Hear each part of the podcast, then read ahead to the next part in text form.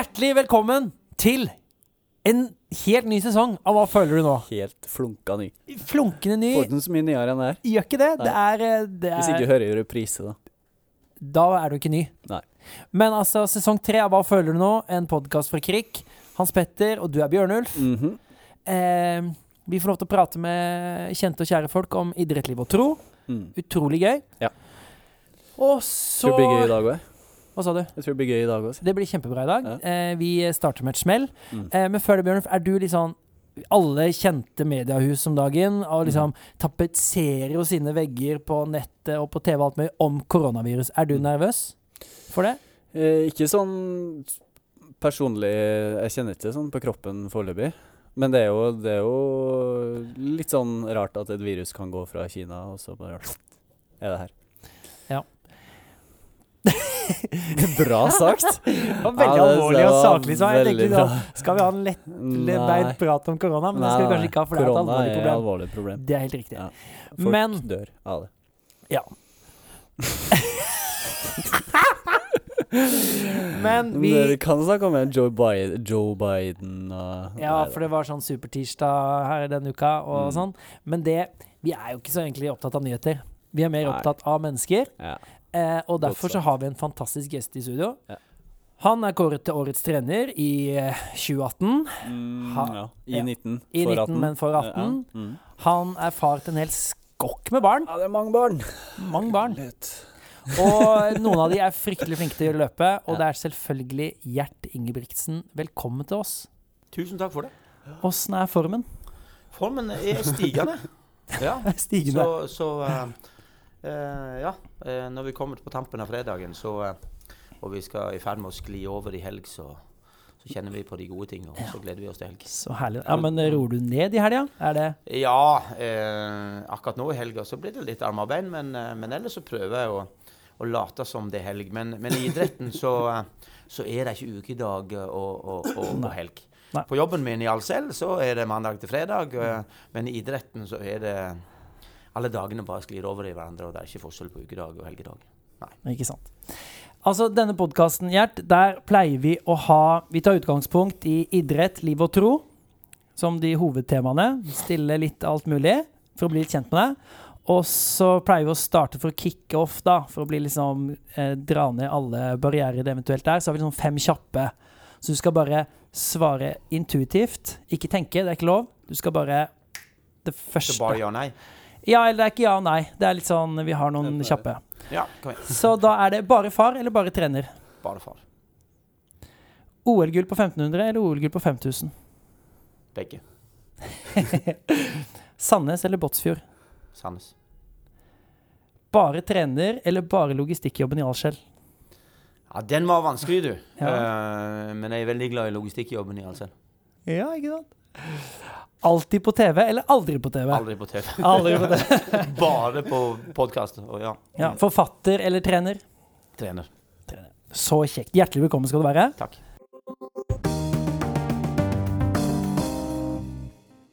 Um, Gjert Ingebrigtsen, du er jo logistikkmann, da, høres det ut som. uh, foran det å være trener. Hva er det egentlig du, hva er det du egentlig jobber med? Jeg jobber med logistikkplanlegging hos et stort grossistselskap i, i Norge. Og, og det har jeg gjort i, i mange, mange år. Um, uh, jeg sitter litt, i, litt på, på, ute på vingen fordi et logistikk-huben, hoved, hovedkontoret for logistikk, er på Gardermoen. Mm. Mens jeg sitter i Sandnes. Så jeg liksom sånn for, Men gjør du det 100 Nei Det kommer an på hva du mener med 100 altså folk har, eh, folk har forskjellig eh, forhold til 100% Men eh, jeg har nå for eh, de neste fem åra gjort en avtale om at jeg skal redusere innsatsen min i Alcel til 50. Men jeg fordeler det på en måte som jeg, jeg jobber mer i perioder der idretten ligger litt eh, Ja, der vi trener mer. Og så og så jobber jeg litt mindre i perioder der idretten tar mer tid. Hvem er Gjert Ingebrigtsen i Alcel, eller på kontoret? Der er en, en, en, en, en, helt alminnelig medarbeider som alle de andre 999 menneskene som jobber i Alcel. Ja. Eh, Jeg driver ikke og stikker meg ut på noe slags vis. Jeg er i utgangspunktet en veldig beskjeden, eh, tilbaketrukken fyr. Det er derfor jeg jobber med logistikk. Det er liksom sånn backoffice. Det er ikke vi som er i frontlinja. Så, så vi er de som sørger for at eh, det selgerne lover, det prøver eh, vi å holde. Så vi er langt bak i kulissene. Ikke sant. Men altså, du er jo blitt hele Norges trener de siste årene. Fordi du har vært Du er far til eh, en hel flokk, men spesielt tre som gjør det veldig bra på idrettsbanen om dagen. Det er OL-sesong i 2020. Eh, før vi går videre, altså, hva er dine spådommer for 2020? Hvordan gjør gutta dine det? Nei, Det har jeg rett og slett ikke reflektert over. Det vi er opptatt av, det er å følge et opplegg som vi har lagt. Eh, og så har guttene sine mål. Det har vi faktisk ikke snakket om. Eh, det kommer vi litt tilbake til når vi har vært igjennom den perioden som eh, med oktober til, til mars. Da begynner vi liksom å snakke om sesongen, og planene ligger der, og alt er laminert og klart. Men vi snakker ikke så mye om det før vi har vært igjennom den, den tunge perioden. For den, eh, den er tøff. eh, De seks månedene der er veldig tøffe. Så, og veldig mye jobb. Så, så da er det, det er det vi konsentrerer oss om. Vi, jeg har ingen spådommer i det hele tatt. Uh, men når vi kommer ut i mars-april, skulle vi kjøre en aldri så liten podkast da, Ja. så kan det godt være at jeg ser litt mer inn i glasskula og ser konturene av det som, eh, det som ligger litt lenger framme. Akkurat nå er det litt vanskelig. Hva er dere jobber med, eller hva er det som ligger på Nå er planen det grunntrening. nå? Nå er det å bygge det fundamentet som du på en måte skal um, hente ut de gode resultatene av. Det er det Ja. vi gjør på, på, på høsten og på vinteren. Og vi trener mye. Vi trener nok sannsynligvis mer enn de fleste. Men, Eh, men så det, det er det vi bruker tida på. du har ingen trenerutdanning eller bakgrunn fra idrett sjøl? Nei. Nei. Hvor eh, tar du det fra? Der, der er jo um, noe så fint heter si, at når ting er erfaringsbasert vi, vi har jobbet sammen i mange år. Jeg trente guttene på ski når de var yngre. Eh, da hadde de akkurat like store ambisjoner der. Eh, men det kutta vi ut på et tidspunkt. Og så fikk jeg pause noen år der vi, vi, vi fikk fryktelig mange barn eh, i rask rekkefølge. Sånn at det, det var å konsentrere seg om å være pappa en periode. Eh, og så ja, så begynte vi å jobbe med den friidrettsbiten sammen. Og har akkumulert veldig mye kunnskap og erfaring i til hva det som kan passe for oss for å, å nå de resultatene ungene vil. Så det er Ja. Sjøl uten utdanning, så, så med litt uh, intuisjon og litt uh, evnen til å akkumulere kunnskap, det er i seg sjøl en kunst. Uh, for det å gå på skole og lære noen ting fordrer òg at du evner å ta til deg den kunnskapen du får med deg på skolen. For skolen i seg sjøl er jo ingen Skolen i seg sjøl er jo på en måte ingen garanti for at du evner å implementere kunnskap i, i, i det praktiske. Så praktisk tilegna kunnskap har en tendens til å sitte litt bedre enn teoretisk lært kunnskap. Men det tar jo litt lengre tid da, å opparbeide seg den Eller du bruker jo en sesong på å finne ut om det funka eller ikke. Kanskje? Jo, men, men det er klart, skulle du, skulle du tatt den kunnskapen som vi nå har akkumulert, skulle du tatt den på skolebenken, så hadde du nok brukt et liv, tror jeg. Men det, det er jo, jeg har tenkt på, for du, i hvert fall sånn som vi kjenner deg fra TV-skjermen, så fremstår du som på en måte som en som har gjort det her mange ganger før. er Du er veldig trygg og sikker på hva som er riktig. Og, Mm. men, men det slår meg at det, det er jo på en måte et slags prøveprosjekt hele, hele veien. At uh, Altså, Henrik har jo aldri gått inn i neste sesong før nå, på en måte. Du har kanskje litt mer å gi til yngstemann, men uh, Av erfaring, da. Men uh, Du, du kan si, I grove trekk så er det jo sånn at Henrik har vært prøvekanin i mange mange år. og på en måte Vi har gjort så mye galt at, eh, at eh, fra hoften og ned så er det ikke så mye som virker. Eh, Der er det noe som virker, så han ble far for andre eller. Men utover det så, så er det ikke så fryktelig mye som er sånn som det ble lagt. det, Det er mye som er mekka på og herja med. Så, sånn at eh, mens Jakob har hatt, eh, har hatt gleden av å høste eh, si, av vår kunnskap, der vi har prøvd å gjort litt mindre feil med han enn vi har gjort med, med, med Henrik. Og Philip er en plass midt imellom. Vi har gjort en del feil med han nå, men han har på en måte kommet seg bedre gjennom det enn det Henrik har. Så, så um, sånn talentmessig sett så er det relativt jevnt fordelt, uh, vil jeg tro. Men det er kunnskap og, og erfaring over tid som, som, som gir resultat. Det virker jo eh, som om jo lenger ned i søskenflokken man kommer, jo bedre er man. Hvordan er det med William? Kommer han til å Har du begynt å trene han, eller? Nei, du, du, du kan si William han, han blir som en sånn maskot, sånn familiemaskot, en sånn liten eh, tass der. Eh, jeg har aldri trent ungene mine før de ja, si de blir 12-13. Og, og, så, så, og før det så, så er det andre. Da, da, spenner de fotball i nabolaget, og de er i, friidrettsgruppa og holder på å styre med det. Så Hvis vi får se når vil- den tid kommer. Hvis han vil, så Ja, stiller han- pappa opp. Ikke, nei, ikke hvis han vil. Hvis han tvinger meg til å gjøre det. Hvis ja. han sier 'du har med å stille opp på samme måte som du har gjort for de andre'. Men da kan det være at jeg er så gammel at hørselen min begynner å svikte, og at uh, jeg ikke helt klarer å få det med meg. Tenk på den kunnskapen, da. Jeg, jeg, jeg håper jo at han ikke Jeg håper jo at han finner på noe annet. Ja, gjør du det, eller? Ja, definitivt. Hvorfor det? Nei, jeg er jo ikke spesielt interessert i idrett. Det, jeg, jeg klarer ikke å forstå og, det. og, det. så det at det, det kunne ikke brydd meg mindre. Men, men, men eh, og, vil han, og, og jeg må, ja, så må jeg jo. Um, jeg vil gjerne det at, eh, at mennesker eh, setter seg mål, og at de, og at de jobber mot målene sine. Men, men uh, ja. Hadde du hjulpet de like mye hvis de valgte nå skal jeg gå all in og bli aksjemegler, på en måte? Er det det du sier? Nei, det tviler jeg på. Ja. For det er ikke noe som er Det blir en, det blir på en måte en annen type karriere. Eh, for min del å sette meg inn i det ville ikke vært på samme måte. Men hadde det vært en annen idrett, så er det klart jeg, ville gjort alt jeg kunne hvis det, hvis, det, hvis, det var, hvis var fornuftig og det var mulig. Og det var en annen individuell idrett, så klart jeg hadde gjort det. Um, men, men jeg gjør det ikke fordi at jeg interesserer meg for det, men jeg gjør det fordi at jeg, jeg syns det at det, Ja, jeg, det, jeg tar det også som en utfordring eh, for min egen del, å hjelpe dem til å nå Men sine mål. litt interesse for liksom måle laktater og diverse og soner og Er det ikke noe der som Mm. Nei. Men du har mye engasjement, der. Det er mye engasjement for uh... Ja, du kan si, men, men mitt engasjement er, eh, Og det er nesten uansett. Når ungene spilte fotball når de var yngre, så måtte jeg slutte å gå og se fotballkamper. Ja. For jeg ble en av de der eh, overengasjerte Mm. Men jeg er jo interessert i fotball. Jeg har jo aldri sett en fotballkamp noen gang, så jeg bryr meg jo ikke om det. Men, men, men jeg blir veldig engasjert i det ungene holder på med. Sånn at jeg, jeg må si nå må du slutte å gå på de fotballkampene. Da ja, det kommer ikke noe godt ut av det. Men er, er, det liksom, er det viktig for deg at ungene lykkes i det de da går for? på en måte? Er det, er det noe så stolthet knytta til det, for din del? Nei, ikke, så, ikke sånn. Ikke sånn at, eh, at jeg bruker tid på at de skal lykkes. Jeg har jo aldri vært på et foreldremøte eller brydd meg om hvilken skole de tok, eller karrierevalg de gjorde. Jeg har aldri brydd meg en plass. Jeg er ikke, går jo, jeg får jo så kjeft hjemme, for jeg aldri gått på Jeg bryr meg ikke om skolegreier. Jeg bryr meg ikke en plass. Altså. Litt merkelige foreldre, for å si det rett ut. Og akkurat det klarer jeg ikke å engasjere meg i. Så det, deres valg her i livet er deres valg. Og så, så, så at jeg skal ikke delta i deres valg. Men hvis de ber meg om det, så kommer det. ja. Men hvis de ikke ber meg om det, så holder jeg meg langt vekke. Uansett hva det måtte være. For du kan jo på en måte bli tatt til inntekt for uh, Altså å være et forbilde for, uh, for alle de fotball- og skiforeldrene som, som måtte pushe ungene sine Det klarer jeg aldri tidlig, å forstå, og- for jeg har vært i opposisjon imot alt det i hele mitt liv. Ja. Og stoppet foreldre rundt i skispor og på Se hva dere holder på med for noe? Du kan aldri være et forbilde for ungene dine.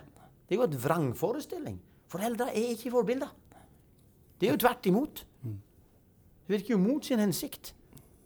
Å sykle der foran med en sykkel til 70 000 og en, eh, en Det er jo galskap. Ja. For hvis jeg står der uten treningstøy, med ølmage og står og røyker på sidelinja, og sier at du må gjøre sånn og sånn for at du har mål for at du skal bli bedre, så kan alle de ungene mine si 'Enn du, da?' Nei, jeg er jo ikke et eksempel du skal følge. Jeg røyker, jeg drikker, spiser usunt, ikke trener. Du skal jo ikke bli Jeg skal jo ikke bli noe. Det er jo du som skal bli noe. Så jeg har prøvd alt jeg kan å ikke være et forbilde. Fordi at hvis du prøver å være forbilde, og du ikke får det til, eller ungene syns det er noe tull, så stopper du opp hele greiene. For du kan liksom ikke følge de inn i den virkelige idretten. Det går ikke an. Det stopper før eller senere. Du kan ikke brøyte den veien. Det er ikke mulig.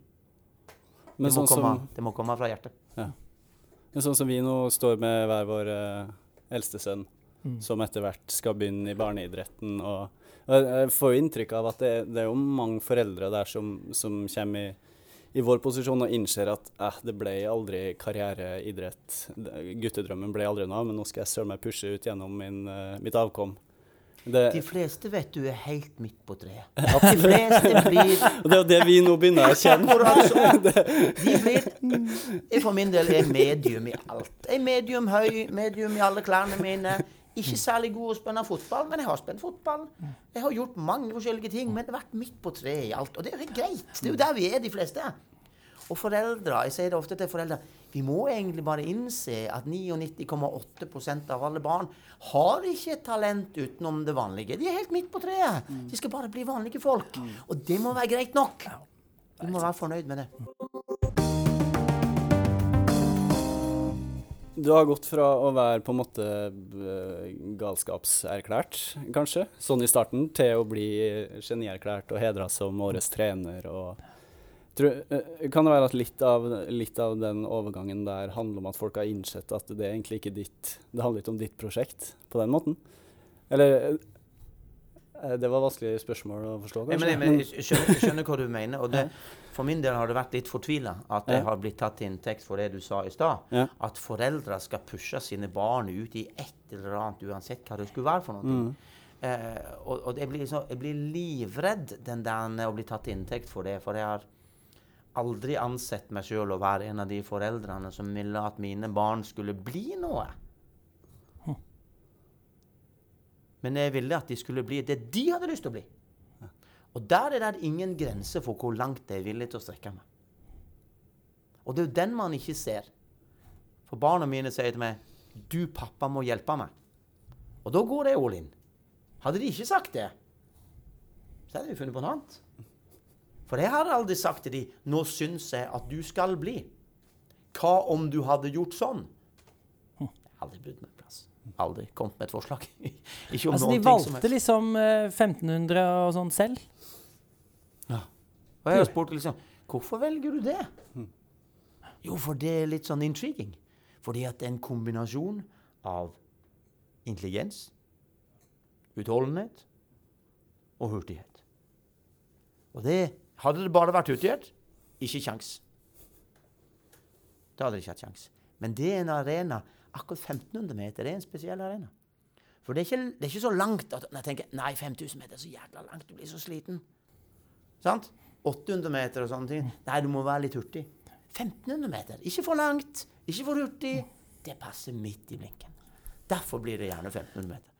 Til våre både eh, unge lyttere og foreldre, når, når mener du det er lurt å gå inn og liksom Hvis man da setter seg det målet at jeg har lyst til å bli dritgod i noe, hvor tidlig er man eh, Nei, Vi ser jo det at uh, vi har jo et forhold til den utviklingen der. Mm. Vi har jo sett over flere av ungene våre når man blir bevisst på de valgene man gjør. Og, og det har noe med både fysisk og mental modenhet, ikke minst mentalt, uh, hvor moden du er. Og vi ser jo at eh, man, se hvis man begynner å snakke om de tingene der når man er sånn 11-12-13 år, og så ser man det at ja, når man er sånn 17-18-19 år, mellom 17 og 19, så er man på en måte normalt sett moden nok til å gjøre en, en endelig vurdering av det. For da ser man konsekvensene av sine egne beslutninger. Før det så evner man jo ikke å se konsekvensene av det. Fordi at man, man har liksom ikke grep over livet. Altså Man har liksom ikke hva er det livet innebærer. Hvis jeg gjør de valg, og hvilken konsekvens har det for de andre ting. Og, skal, og man må liksom opp der. Man må gjennom gymnaset, og man må på en måte komme der man ser resten av livet sitt i et eller annet perspektiv. Uten at det blir tåkelagt av foreldre som sier du må gjøre sånn og du må gjøre sånn. Da ser man jo at det blir jo helt blokka. Da, da um, Ja. Hvis man er fri til å tenke eh, hva man ønsker og hva man vil, så er det i den alderen der. Altså, du går jo inn som, eh, som trener da, når guttene og Ingrid har tatt, eh, eller tar, eh, det valget. Vil du noen gang som far stå der og tenke at ja, livet ditt hadde jo blitt mye bedre eller mye mer innholdsrikt, eller hvis du, hvis du hadde gjort noe helt annet, men OK, du har bedt meg om det, så vi kjører på sånn? Nei, jeg ville aldri reflektert sånn. Nei. Jeg vil alltid anta at Jeg vil alltid anta at når man kommer dit, så vil jeg alltid anta at vedkommende det dreier seg om, har, har gjort nødvendige refleksjoner rundt det. sånn at det, eh, det er klart, vi- vi- hvis, hvis det skulle være en spesiell situasjon, så ville jeg jo gjerne sagt mm, klart Sånn som Henrik nå, der vi har Ja, der, der han har skada seg mye og ødelagt mye av kroppen sin. Så det er klart, jeg, jeg spør han her for en drøy uke siden. eh, han halte seg opp på tredemølla for andre gangen den dagen, og jeg ser at det gjør han vondt eh, for fjerde-femte året på rad. Så sier jeg hvorfor i all verden gjør du det? Du er snart 29 år, du har to barn, du har hus og hjem, tjener ikke penger på det her. Hva faen er det du Tid å finne på noe annet. Hvorfor gidder du å stå opp? Så klart så får jeg jo et svar som, som, som er hans refleksjon, og da, og da ja vel. Hva sier han da? Ja, han sier det at han, han, han føler fortsatt at han har sitt beste løp igjen. Om det kommer neste uke eller om et år eller fem, det bryr han seg ikke om, men han kjenner at han har det inni seg. Så derfor gidder han å stå opp hver Som dag. trener, tror du på det du òg? At han har sitt beste løp igjen? Jeg har ikke noe valg. Og jeg sier det at, eh, at eh, jeg vil alltid gjøre alt jeg kan for at han skal nå sine mål, og hvis det er hans mål, så, så, eh, så kommer jeg til å stå der og aldri si det motsatte. Men det kommer til å smerte meg som far at jeg må pushe han gjennom trening som jeg ser som jeg ser smerter han rent fysisk. Ja. Så det, det, det, og det er jo der eh, dilemmaet som far og trener så Det er jo derfor jeg sier at det, det, det må man jo aldri tenke på i toppidretten. For det, det har ingen fornuft i seg for en far eller mor å, å, å, være trener, iallfall ikke i vår bransje. For du må, du må som trener pushe igjennom noe som du aldri ville gjort som far. Det er vel helt ansvarsløst. Så det er ikke og hvor dine så mye vondt. Det, det, det, det er toppidrett. Det er en brutal sak. Det er ikke noe lek. Det er ikke, det er ikke breddeidrett vi snakker om. Det er brutalt. Det er eh, økonomisk uforsvarlig, og det er fysisk uforsvarlig, og det er det, det, det er ikke noe som eh, jeg vil anbefale andre foreldre å holde på med. Altså, hvor fort eh, løper de når de løper 1500? Altså i kilometer i, Da løper de en eh, 5-26 km i timen i snitt. Ja. Mm. Og, eh, altså, og hvor mye Vi har jo hatt en del idrettsutøvere innom her. Altså Astrid Urnholt og Mari Eide. Og vi spør alltid om hvor mye trener de? Hvor mye trener gutta dine i løpet av et år? Treningstimer. Det går ikke an å måle løping i timer. Løping måles ikke i timer. Men treningsdagbok, har du ikke et eh, Eh. bunnlinje der? I dine skjemaer? På hvor mange timer de er i trening? Nei. Det kommer an på hvor fort du løper. ja, ja, ikke sant? Sånn sett, ja. Så hvis du skal løpe 10 km hver dag, Ja. så vil du bruke en viss tid på det. Ja. Hvis noen av mine skal bruke, løpe 10 km, Går det litt så, de, så bruker de en tredjedel av din tid. Ja. Eller ja. Ja, nå må ikke du ta i, altså. Nå La oss bare si halvparten, Jo, jo, altså. men, det går ikke an å måle eh, Vi måler i kilometer, vi. Ja, dere gjør det, ja. Hvor langt løper de, da? Eh, Løper og da, da løper de en plass mellom 150 og 175 km i uken. I uka, ja. I uka? 17 mil Så i de uka? løper nok en 7000-8000 km i året. Ja. Ja. I tillegg til alt det andre de gjør i trening. Skjønner at det er brutalt. Så, så det, det um, um, og, og det er liksom den fasen vi er inne i nå, der man løper 170 pluss i uka. Uh, I tillegg til alt det andre man gjør. Men en til timer, ja en 14-17 timer i uka, kanskje. Ja. Så på en måte en sånn halvtid. Sånn deltidsjobb. Si du jobber 50 da. Ja. Deltidsjobb, ja. Veldig mange er jo blitt veldig glad i deg og din kone og alle, liksom hele slekta di, fordi vi ser dere på TV gjennom Ting Ingebrigtsen. Jeg føler jo, for at jeg er jo blitt Jeg har begynt å løpe pga. deg. Fordi at jeg syns det er så spennende å følge dere. Det er en motivasjonsgjeng. Jeg tenker på dere når jeg løper. Eh, hvordan er det å én åpne opp Altså Jeg kan jo også kjenne på at jeg har vært med på fødselen til William, på en måte. For det tok dere åpna dere også opp for NRK. Nesten, da. helt altså. Ja, Hvordan er det eh, å åpne opp? Og to, altså dere har jo gjort ganske mye for folkehelse i Norge. Kan du refleks... Altså at folk er blitt inspirert til å løpe? Mm. i Cold på Oslo Maraton osv. Det var ikke intensjonen. Og jeg vil beklage til det norske folk at jeg eh, på en måte påtvunget i en eh, dårlig samvittighet i forhold til trening og helse. Nei da, vi, vi eh, Den TV-serien kom til ved, en, ved en, nærmest en sånn tilfeldighet, for vi ønsket å dokumentere livet vårt, sånn at vi kunne se tilbake på eh, hva vi hadde gjort, og hvordan, eh, hvordan vi hadde gjort, eh, hvordan vi hadde levd. Eh, det var ikke meningen dette her skulle bli eh, noe som folk skulle se. Det var bare noe vi skulle gjøre privat. Så fikk vi ingen til å gjøre det. Fordi at uh, det var ingen uh, ordentlige produksjonsselskap som ville filme folk med mindre det var finansiert av eksterne krefter. For vi fikk ikke lov å finansiere selv. Nei. Og da måtte da, Nei, det var ikke mulig, for det var helt useriøst, og det kunne man ikke holde på med. Og så etter masse sånn fram og tilbake, produksjonsselskap som holdt på å styrte og fant noe funding gjennom noe sånn eh, filmfond og noe greier, så begynte man å filme litt, og så fant de ut at de skulle vise litt av det til NRK, og så ville gjerne NRK lage noen episoder. Og så balla det på seg. Og guttene fikk jo full panikk. De sa 'pappa, du skal ikke på TV'. Det var ikke sjans. Så det der skal vi ikke det, Vi vil ikke vise vi vil ikke vise pappa på fjernsyn. Det går ikke. For det kommer aldri til å gå bra. Pappa vil jo bli eh, Han blir sannsynligvis eh, fengsla eller eh, Ja. Så, så, men så gikk det for så vidt greit den der første sesongen. Syns det, det, det, og de ville iallfall ikke gjøre en sesong to. Var, eh, de, de trodde ikke jeg kunne slippe unna med det en gang til. Um, men nå er vi inne liksom i siste del av uh, den siste sesongen. Vi holder på å filme på siste sesong nå, så det blir 2020, og så blir det liksom ferdig med det. For nå har man på en måte fått fram eh, og vist litt av virkeligheten i internasjonal toppidrett, og hva som kreves for å, for å hevde seg der. Det er ikke noe dans på roser.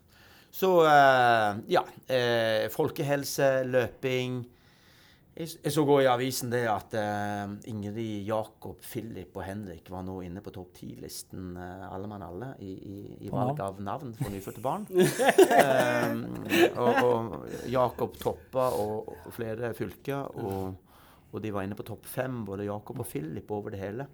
Sånn at jeg ser at det er flere Man, man har påvirka påvirka det norske folk eh, på flere områder enn en, det helsemessige. Er det nå jeg skal si jeg har en Philip? Men det var ikke, ikke på, det, det var ikke på grunn av din sønn. Men uh, Det vet vi. Det, jeg er ganske sikker. Men uh, uh, Altså, du kommer fra Finnmark. Båtsfjord. Mm. Eh, og du mista din far ganske tidlig. Mm. Eh, hvordan har det prega deg i ditt liv? Det vet man jo ikke, for man kan ikke gå ut og inn av et sånt forhold. Der har man jo enten-eller. Uh, så jeg har jo levd mitt liv uten en far, og, og det eh, Om jeg har overkompensert en smule overfor mine egne, det, det, det, det vet jeg jo ikke. Uh, uh, som sagt, jeg, jeg, jeg, jeg var ikke jeg, kjenner, jeg kjente han aldri. Han døde såpass tidlig at jeg fikk liksom aldri blitt kjent med han, og dermed kan jeg ikke relatere noe av min uh, væremåte i forhold til han. da. Hvor gammel Så var du? fire. Fire. Mm. Så um, Ja, det å vokse opp uten en far, det, det Jeg har hatt en, en, en god mor, sånn at jeg har nok kompensert for en del, men, eh, men eh, jeg skulle nok ønske at jeg hadde en far, ja. Hvor stor familie var dere? Mange tre, søsken? Tre barn. Tre barn. Tre søsken. Jeg har ei søster som er eldre, og en søster som er yngre. Ja. Så, så ja. Jeg var på besøk til grava hans nå, for den, eh, det, det er vel 50 år nå i 2020 siden han døde. Så jeg var oppe og besøkte hans grav nå i, eh, i desember. Og det var et veldig eh, fint øyeblikk. Jeg måtte grave fram eh, Det var begravd i snø, og ikke visste hvor han lå hen. Så jeg måtte, jeg måtte um, finne graven først, uten å vite hvor han var. Så da går du litt på intuisjon. Så jeg fant han etter relativt kort tid. Og det, det ble, jeg måtte grave fram gravstøtten og hadde med meg min kone. Så det var en veldig sterkt og fint øyeblikk. I Båtsfjord? Mm. Mm. Bor uh, din mor fortsatt der, eller? Nei, nei. Nei. Nei da, hun, eh, jeg flytta sørover sammen med henne da jeg var 13. Ja. Så hun bor i, i samme område som vi gjør. Eller ikke i samme byen, hun bor i en annen by ti mil lenger sør. Så Men du ser på din innsats som pappa nå som en kompensasjon? Eller at du Nei, jeg tror ikke det. Jeg tror nok jeg hadde vært relativt lik uavhengig av det. Men, eh, men det, hadde jo vært, det er jo en interessant refleksjon i forhold til hvordan livet mitt hadde vært hvis jeg hadde hatt en far. Vet du om du ligner på han? Han ligner på Om, ja. om du ligner Ja, på han? Ja. Ja. Men det er noen av barna mine som ligner mer på han enn jeg gjør. Ja. Så, så både i utseende og, og væremåte. Eh, når deres familie åpner opp hjemmet, er det noen ting som ikke er eh, ekte? Er det Nei. noen ting dere gjør Altså, Nei, ingenting. er du alltid helt uh, deg selv? Ja. Og der er aldri noen ting som går i to opptak. Der er aldri noen ting som regisseres, og det er ikke manus. Og du spiller ingen rolle? og det er et krav som har vært absolutt hele tida. og jeg har fått mye kjeft av produksjonsselskapet for at, uh, at de ikke får mulighet til å gjøre ting på nytt, eller uh, Ha på kamera, du, så Ja. Og, og, dermed, og, dermed, og dermed så blir det Og jeg tror det at det er litt av årsaken til at eh, jeg tror folk ser igjennom mye av det bullshit-greiene som er ute i, i, i andre sammenhenger. Det, det, de, de ser at det her er ekte. Det her er ikke noe fake. Det her er ikke noe Det går ikke an. Det er ikke mulig å fake eller regissere. Men da er du veldig god skuespiller i så fall. Ja. Men det er mye vi ikke ser av privatliv eh, eller ting dere verner om, på en måte. Nei. Ikke noe som vi bevisst verner om, nei. Det er det ikke. Så jeg tror gjennom de sesongene så tror jeg man har fått med seg det som er, det som er rett og slett. Fått med seg en del av kampene og fått med seg både de fine ting og de vanskelige ting. Mm. Eh, du bruker jo, som du sier selv, veldig mye tid på de tre eldste som løper, holdt jeg på å si. Ja, de, også bruker du sikkert en del tid på Inger også nå, som trener. Eh, kjenner du noen gang på at de får litt vel mye i forhold til de andre barna, som eh, pappa? Kjent på det? Eh, den delen som går på den rene papparollen, der får de nok ikke mer. Nei. Det de får mer av, det er den mer sånn business-like-rollen. Og, og, og, og det er ikke nødvendigvis noe man ønsker mer av. Sånn, at, sånn at hvis du ser hvis du ser den delen som er bare pappa, så tror jeg det er greit fordelt. Og den andre biten er jeg litt usikker på om de ville hatt. Hvis de hadde kunnet. Så, sånn at um, Ja. Det, det tror jeg Ja, jeg prøver å være bevisst på at jeg viser like mye oppmerksomhet til til alle når det kommer til den pappabiten. Så, så, ja, men, men i perioder så, så har jeg ikke tid å være pappa. For du er så inne i den rollen som trener at du, du har rett og slett ikke Så jeg må jo ta meg sjøl i det. Nå har du liksom ikke tenkt en pappatanke på, på to måneder. Nå er, det, nå er det på tide at du begynner å tenke litt pappatanker. For nå, så da har jeg en sjef som heter Tone, som eh, gir meg en liten oppstrammer. Og sier du, hallo, nå, eh, nå må vi få en litt sånn pappa-feeling her. Ja, hvordan gjør hun det? Det er noe som hun tar på tomannshånd, heldigvis. Ja, for den har vi ikke sett så mye av. For nei, hun nei. fremstår veldig mild og god. Ja, sånn at uh, det at, uh, at sjefen har en sjef, det er, prøver vi å holde mellom oss. Men Det, hun det hadde jo ruinert imaget mitt hvis jeg skulle kommet ut. Det kan vi ikke. Nei nei da. eh, hun, hun er flink til å korrigere kursen der. Jeg Fortell litt om eh, Tone. Jeg er godt gift, veldig heldig der. Hun er jo på en måte limet og, og uh, Uten henne så hadde nok ikke det her balansert i det hele tatt. Så jeg tror det er veldig greit å Men klart, guttene har etter hvert en eh, eh, At det blir Ja, at mamma skal bare være mamma. Så når jeg prøver å få henne mer engasjert i idretten fordi at nå er det jo færre barn hjemme, sant, så man har litt mer fritid. Og dermed så prøver jeg å trekke mer, henne mer inn i det vi gjør på den andre sida. Så hun kan se mer av det idrettslige og være med på Diamond League og være med på mesterskap. Og da begynner guttene å protestere. Nei, mamma skal jo ikke bli pappa. Mamma skal jo ikke, Hun skal bare være mamma. Sant? Så de er redd for at hun skal gå inn og ta en rolle som i idretten som blir noe annet enn det bildet de ønsker å ha av hun. Sånn, sånn, så prøver jeg å forklare dem det at hun òg må få lov å bli med på det ja, for å være nærme dere og få lov å ta del i det her. Men nå har det jo blitt så gale at nå, hvis de nå kunne velge hvem de ville ha med, så ja, så det er ikke sikkert at, det er ikke sikkert at pappa blir førstevalget, så jeg må passe meg litt så at du ikke kommer og trør for langt inn i Sånn det er fint å ha med Tone. Hun er en veldig fin eh, korreksjon når ting går over stokk og stein. Når vi sa til folk rundt lunsjbordet her at du skulle komme på podkast, så var det sånn det, Da var det Dere må spørre om, om eh, Tone og Gjert om de sover i det hele tatt. For de får til så utrolig mye. Og altså, den kapasiteten de har, må du spørre om. Altså, her er det Du jobber fullt, og så er du fulltidstrener, og så er du regnskapsfører, tror jeg, for din kones sine 13 salonger, eller hva det er. Og hun har, dere har syv barn oppi alt dette. Og det funker i hvert fall ganske greit, sånn som det ser ut på Funker på TV. Funker på TV. Hvordan får Sover dere?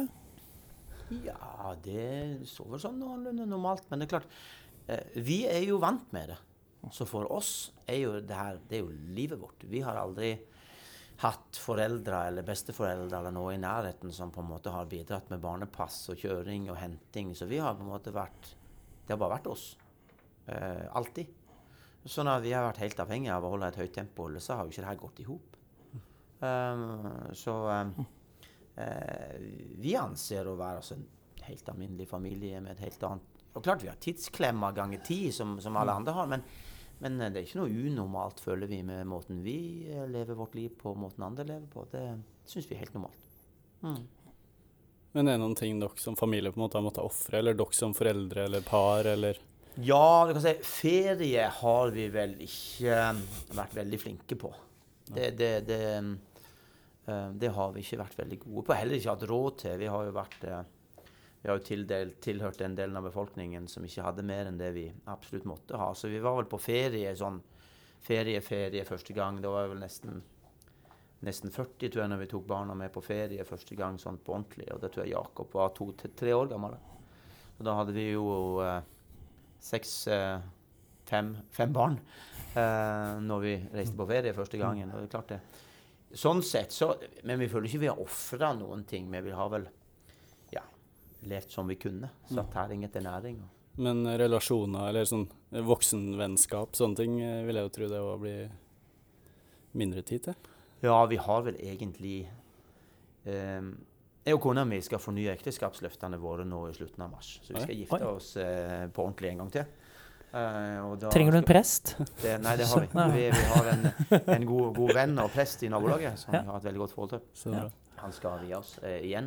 Um, og, um, og da har vi en liksom eh, Da har vi en, vielse, og vi har en fest eh, etterpå. Og da liksom går igjennom hva livet vårt har inneholdt av, eh, av venner. Og der er det veldig tynt i rekkene. Det, og kona mi spør meg har du ingen venner. Uh, så sier jeg har familien og noen få utvalgte. That's it. Uh, jeg har rett og slett ikke hatt mulighet til å bruke tid på å pleie vennskap. Det skal man si at det er noe som er ofra, så vil det vel kanskje være det. da. At vennskap uh, har det ikke vært plass til. Går det inn på deg? Nei, det har ikke gått inn på meg. for at det, um, Har ikke tenkt på det før nå? Jeg sånn har ikke tenkt på det før, det, før den gjestelista på Gjert uh, der ble veldig, veldig kort. Um, så, så, så har jeg ikke reflektert over det. For at jeg føler jeg har ikke jeg har ikke, jeg har ikke hatt tid nok til å føle at jeg mangler noe. Skjønte dere den? Absolutt. Hvordan var det du og Tone møttes, da? Vi møttes når vi eh, gikk på yrkesskolen. Hun var 16 og jeg var litt eldre. Eh, vi møttes når hun var 16, eh, fikk barn når hun var 17 og var gift eh, dagen etterpå. Hun fylte 18, tror jeg, pluss minus.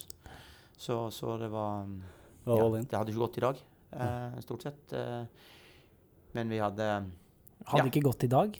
Nei, altså Man hadde nok ikke tillatt uh, altså, jeg, tror vi, vi er rigga som familier eh, i dag som gjør at sånne, sånne ting nærmest blir en umulighet. Fordi at man, eh, man er for unge, rett og slett. Jeg bare ser på mine egne barn. Hvis, hvis Jakob nå skulle vært gift og hatt barn, så ville det synes jeg var veldig eh, mer merkelig og rart. det ville gjort. Sannsynligvis mye for å prøve å fortelle han at det ikke var fornuftig. Så, sånn at, det er derfor jeg sier det har nok ikke gått i dag, for at foreldrene hadde nok sagt. Så, så nå var vi heldige nok til å ikke ha foreldre i nærheten som kunne stoppe oss. Eh, så derfor ble det sånn.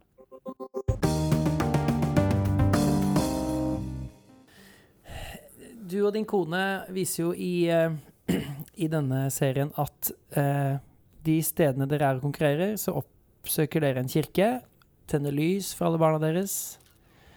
Eh, er litt stille, virker det som, eh, før dere går videre og inn på stadion, eller Hva, legger, hva ligger det i det?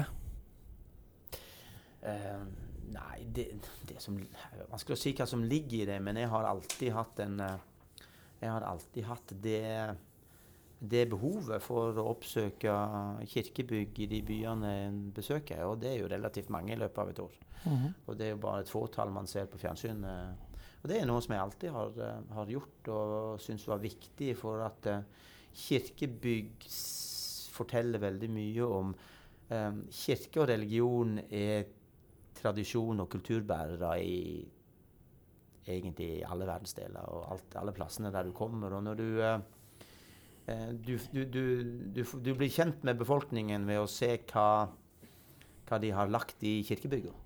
Eh, og det er Av en eller annen grunn så har jeg hatt det for meg at det, det har vært eh, Jeg har vært veldig interessert i alltid historie og kultur og tradisjon og de tingene der. Men er det, det, er det en tro i det? Er det en ja, religion det er klart i det det? er det. er klart det er det. Der, Ja. der, er en, der er en tro i det. Og, og um, i Båtsfjord um, så dro min mor meg med på jeg har alltid gått i kirka på jul, og vi har alltid hatt et uh, da, da snakker man om å gå i snø til, til midjen. sant? Vi snakker ikke om å Vi hadde jo ikke bil. Det er ikke sånn som nå. Vi hadde, ikke bil, vi hadde ikke bil. Så det var liksom å, å bale i snø i en time og to for å komme seg til kirka. Det liksom Det her skal du ta i, så det her må du kjenne at du vil. Eh, eller så kan du bare være hjemme. Det er det er. Bedre, det er mer godt og varmt. Så det, det er en tradisjon vi har tatt med oss, det å, å gå i kirka. Så ungene har gått i, i, i kirka når de var mindre, i sånn type lekegruppe. Og, og, og på skolen har de gått på skolen i forskjellige slags eh, ungdomsgrupper. Og ja. Har de vært med i KRIK, eller? De har, nok, de har ikke vært med i Nei. men de har vært med i, i, sånn, Det har ikke vært krig i den kirka som vi har hatt i nabolaget. Men de har hatt det godt i, i sånne eh, ungdomsgrupper og forskjellige ting. Og det har jeg også gjort opp gjennom oppveksten der som jeg har bodd. Um, og eh, ja, før var guttene og, og sånn at nei, vi gidder ikke gå i kirka, det er så kjedelig, og det er så ditt og datt og ene med det andre. Og, og nå er det på en måte blitt om å gjøre. Så det er jo en tradisjon vi har. Nå er det mye som skal til eh, for at de ikke møter opp med sine familier når det er noe. Enten det er fireårsbok eller konfirmasjon eller det Og liksom, de er jo gift med og samboere og, og, og, og liksom vært en diskusjon om ja, skal man fordi at jentene kommer inn med sine tradisjoner. sant? Og, og skal, ja, skal vi døpe barn? Skal vi konfirmere dem? Skal vi gifte oss? Skal vi sånn? Skal vi sånn? Og det har liksom aldri vært noen diskusjon for guttene sin del. De tradisjonene vi har med oss, det er liksom uansett hva jentene har, så, det, så sitter det så i de at det her vil de ha med seg. Så det er liksom ikke noe Ja. For, for oss er det nærmest en hellig dag når, når, når man døper seg, når man konfirmerer seg. Og det er noe vi tar på alvor. Hva, hva tror du på? Det er en, eh, en vanskelig sak. Eh, men det er klart, jeg har en, eh, jeg har en tro. Om den da ikke følger boka, og heller ikke verken i, i liv eller lære følger boka, så, så, så føler jeg innerst inne at jeg har en tro. Det, det gjør jeg. Um, I forhold til det med liv, og i forhold til det med, med den kulturen og den tradisjonen som kirka representerer. Det er jo det jeg i første omgang identifiserer meg med som en, en sånn en samla enhet. Men, men, og det å kalle meg religiøs og personlig kristen, det gjør jeg nok ikke. Men at, det er, eh, at kirke og kultur og vår tradisjon er veldig tett sammen. Knut. Og det tror jeg nok vi har noe med der jeg kommer ifra. Um, der uh, har du lite, så, så si, det som knytter en sammen, blir veldig viktig for en. Sant? Og da, da har gjerne eh, fødsel og dåp og død og konfirmasjon og kirka på en måte vært en, igjen en tradisjon og kulturbærer når man ikke har så mye annet som binder en sammen. Sant? Så, så eh, familien min kommer fra Lofoten og, og, og nordover, og det er klart det, det er fiskevær, og det er ute, og det er risiko på havet, og det er. Og da blir gudstroen og, og det fellesskapet der, det blir relativt viktig. Eh, Og egentlig det eneste tinget som, som på en måte bærer samfunnet og bærer tradisjonene. Så det, det er litt sånn rart med det. Men jeg tror ingen ikke ikke ingen, men jeg tror ikke det er mange av de som erklærer seg for personlig kristne, eller har en, men de har en, de har en hva skal jeg, allikevel en gudstro. Det ligger noe i bånn der. Eh, som ikke har noe med Bibel og som ikke har noe med, med de tingene der å gjøre. Men det, det, det er mer den kulturen vi bærer med oss. Og det er jo den jeg syns er veldig viktig. Der òg familien. Jeg syns familien er en del av den tradisjonen og kulturen som er hegner om familie. Altså Har du valgt noen å være gift med og dele liv med, så har du gjort et valg. Og da står du i det valget. Uh, og det er ikke noe alternativ for oss. Det kunne ikke gått an. Eh, for da ville de på en måte fort falt ut av vår, vår, av vår setting. da. Familien er viktig. Men det ligger i det en, en, på en måte en forståelse av at det er en større Nei, det, det, det, det De tinga der, vet du, det tror jeg kommer mer i oss den dagen vi blir utsatt for noe som vi trenger hjelp til. Som vi ikke helt klarer med sjøl. Der har jeg ikke vært ennå. Eh, men jeg tror den dagen vi på en måte blir overlatt til noe som, som vi ikke kan hanskes med, det, det, det er vel da man i første, første rekke reflekterer over om ja, hvor går man for hjelp. Hvor går du hen for å få hjelp til ting du ikke klarer med sjøl?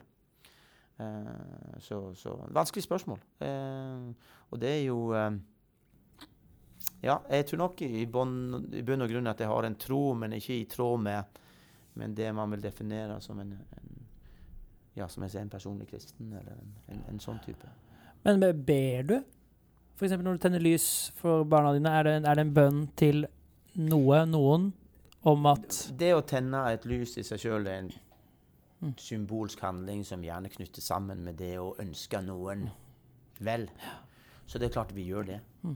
Vi, vi, eh, eh, vi gjør det. Mm. Og vi, vi gjør det fordi at vi helt klart tror at det er noe gjennom den symbolske handlingen som gjør at vi enten ved hjelp av tankene våre eller ved hjelp av Og vi har det litt bedre med oss sjøl òg ved at vi gjør det. Så, så, så Og det gir oss et øyeblikks ro.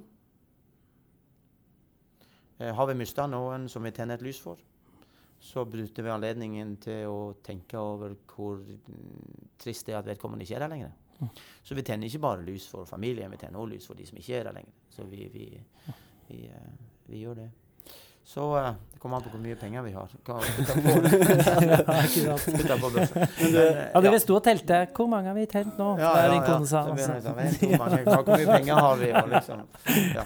Men du er oppvokst uten, uten en far, da. Er det, eller hva tenker har du om døden? Uh, Den eneste tanken jeg har om døden, er det at jeg, jeg vil prøve å holde den vekke så lenge som mulig, sånn at jeg får følge mine så lenge som mulig. Eh, og spesielt blir det litt bekymrende å ha den yngste forteller meg at uh, han tar meg i håret og så sier han, 'Pappa, nå begynner du virkelig å bli gammel.' er du sikker på at du er der når jeg blir voksen? Oi, oi, oi. tenker «Åh, Var det vits å få barn når du var så gammel? Neida. Eh, sånn at det, det er liksom sånne øyeblikk du tenker liksom Ja, jeg håper da inderlig at jeg får være lenge nok til å se at du og dine barn vokser opp. Så, så, så får vi eh, passe oss litt, så vi ikke går på en smell. Så jeg har eh, tatt meg sjøl i nakken. Så jeg har rett og slett begynt å trene. Eh, Det ser gjorde- vi. Det det gjorde jeg på vei til Doha. Så jeg tenkte jeg skal til Doha. Der er det 45 grader. Du har eh, blodtrykk som en eh, 80-åring. Så nå, eh, hvis du skal overleve Doha, så må du komme deg i gang og trene. Så det gjorde jeg i slutten av august. Eh, og klarte å komme meg dit at eh, jeg kom meg gjennom det Doha-greiene på en fornuftig måte. Så jeg har bare fortsatt med det. Eh, og holder meg litt sånn eh, noenlunde, noenlunde i form. Mm. Så det er vel litt bedre luft i Det er i Tokyo? Det er OL i Nei, det Det er, er varmt der luft også. i Tokyo. Det er verre. Så Tokyo er jo verre enn doa, Sånn at jeg må klare å holde meg på matta. Jeg har ikke tenkt å tilbringe mine siste timer i verden akkurat i Tokyo. Det har jeg tenkt å gjøre en helt annen plass. Så jeg må komme meg gjennom det òg. Få ned blodtrykket og, og få opp kondisjonen. Uh, ja. Gjert Ingebrigtsen, tusen hjertelig takk for at du ville komme. Og Takk for altså, at jeg fikk lov å delta. vi vet jo at eh, du eh, trener en god del, og har jo sikkert flust av treningsjakker. Men vi har uansett lyst til å gi deg vår treningsjakke. Som du kan bruke når du vil, og når det passer. Den er ganske bra, faktisk. Og så, Så- da, da tenkte jeg Har du noen gang sett meg i en treningsjakke? Har du? Har jeg hatt det på meg? Ja, har du ikke det? Jeg tror du gikk opp en bakke en gang Ja! på Der var, Altså, det, der var det jeg- et kamera! Du, ja, du ja, det. ja, ja, Der var et kamera fordi at jeg hadde fortalt om et ekorn i den bakken. Det stemmer Så nok. hver gang jeg gikk forbi det ekornet, satt og palma og jeg kongla og greina i hodet på meg. Så jeg hadde jo så angst på slutten at jeg måtte ta en omvei rundt Stemmer det. Da hadde jeg treningsjakke. Det tror jeg var på en sånn eh, treningsleir dere var på. Jeg ser jo ikke episodene, så jeg er litt Nei, usikker på hva Det må du ser. gjøre, altså. De er Nei, veldig det bra. gjør jeg ikke. For da, når jeg, står, når jeg møter folk, og jeg vet at de har sett det, Ja. og jeg òg har sett det Ja. Når jeg ikke har sett det, så vet jeg ikke hva du har sett. Nei. Så da trenger jeg ikke å skjemmes av det. Mens jeg hadde visst hva du hadde sett, så hadde jeg følt hver gang jeg så det på deg, så ville jeg tenkt Nå har han sett de episodene. Ja. Nå kan jeg, må jeg skjerpe meg. Nei, vi lurte på om vi skulle ha, få min sønn til å komme her og legge liksom potetgull. Som bare skulle komme på sånn fast Det må dere se. Siste sesong. Sesong fire, tror jeg. Nei, jeg ser litt mye på TV, eller i hvert fall på dere, og det synes jeg er veldig spennende og gøy. Og inspirerende. Men det, en treningsjakke skal du få, og du skal få lov til å signere en caps. Ok. som vi skal ha i premie til en av de som hører på. Vi skal lage en konkurranse etter hvert, så det er bare å følge med. Har du et Konkurransen si- kommer jo kanskje før det her, da. Å ja, det gjør den kanskje. Stemmer det. Det får vi tenke Ja, det tenker vi på. Ja. Men du må i hvert fall ønske alle i familien din som løper, og de andre, liksom lykke til i 2020 med alt uh, dere holder på med, på Mm. alle plan. Mm. Uh, Ingrid, da? Har hun, du har ikke snakka med noe mål om hun? I, Jo, jeg har det. hva er hennes mål i 2020? Ja, det er um, jenter, vet du. Nå vet jeg ikke hva erfaring dere har med jenter. Jeg har eh, som trener svært begrensa erfaring med jenter. Mm. Jenter har en annen dialogform enn gutter. De er komfortable eller ukomfortable med Jenter skal snakke om følelser. De er følelsesstyrte. I Team Ingebrigtsen har vi ikke brukt mye tid på følelser når det kommer til sport og idrett. Tvert om. Vi har på en måte prøvd å virke mest mulig avstumpa for å konsentrere oss om det som er viktig. Mens hun derimot, hun vil gjerne snakke om følelser. Eh, og hun har en mening om min eh, dialog med henne når det kommer til både volum og innhold. Sånn at jeg nå går i eh, på en måte i en eh, endringsprosess sammen med henne. Der jeg skal lære meg å holde en dialog med henne på det nivået hun gjerne føler, eh, føler seg komfortabel med. Så der er, der er vi inne i en prosess som, som jeg eh, virkelig må jobbe med meg sjøl. Sånn at det kan bli spennende. Nyttårsforsett, rett og slett? Nei, det er vel hennes nyttårsforsett med pappa.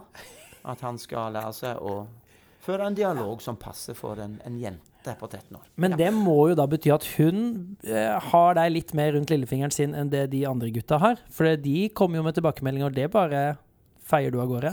Ja, for det vet jeg at der er det høyt under taket, og dialogen er direkte. Mm. Det går begge veier. Mens eh, et skjevt ord til Ingrid, så er det 14 dager med hengegeip og, så- og dritsur. Uh, og ingen dialog. Sånn at uh, det, det, det, Ja, vi ser det her som en vinn-vinn hvis vi kommer oss igjennom det her. Men uh, har hun potensial, potensial til å bli bedre enn gutta? Sånn internasjonalt? Tror du? Når jeg ser hva Philip, som var det vi kaller for listefyll i alle år Når du ser hva han er i stand til å prestere på en idrettsbane i dag, så tror jeg man kan si at de fleste mennesker som er relativt normalt utstyrt, vil klare det samme hvis de bare er villige til å gjøre jobben. Selvsagt kan Ingrid bli verdens beste løper. Men det kommer til å ta tid og det kommer til å koste. Men er hun villig til å gjøre jobben, så skal jeg hjelpe henne med det. Men alle kan klare å nå målene sine. Det er bare, villig hvor, lang, det er bare hvor mye tid og krefter du vil bruke på det. Hvor viktig det er for deg. Så vil jeg benytte anledningen til å takke alle de som har giddet å bryte seg med å sitte og høre på denne podkasten. Eh, og får håpe det at dere har fått et litt annet perspektiv på foreldrerollen i idrett. Og Gjert Ingebrigtsen. Og Gjert Ingebrigtsen. Tusen takk skal du ha, Gjert. Det er veldig hyggelig. Så vil vi si oss veldig fornøyd med første episode, Bjørnulf, i sesong tre. Og han, Gjert har jo nå sagt at hvis man bare vil nok, så kan man bli veldig god. Ja. Så hva skal du bli veldig god i? Hva skal du satse på nå framover? 10 000 timer, legge ned i Boccia. boccia. vi er gleder oss til å satse nisje, da. ja, tenker jeg. Ja. Ja. Det er jo kanskje er plutselig en. OL-gren, det. Løping, er- altfor vanskelig. Det er slitsomt. Ja. Eh, vi gleder oss til neste episode allerede. Mm. Vi holder oss i friidrettssegmentet. Løping, Løping. skal vi si det sånn? Ja, vi sier det sånn. Ja, det blir veldig spennende Ja. neste runde. Og så eh, må dere bare dele denne med folk dere liker, holdt jeg på å si. Og si 'hør på denne, den er bra', denne mm. podkasten. Si som Listhaug, lik og del. Listhaug!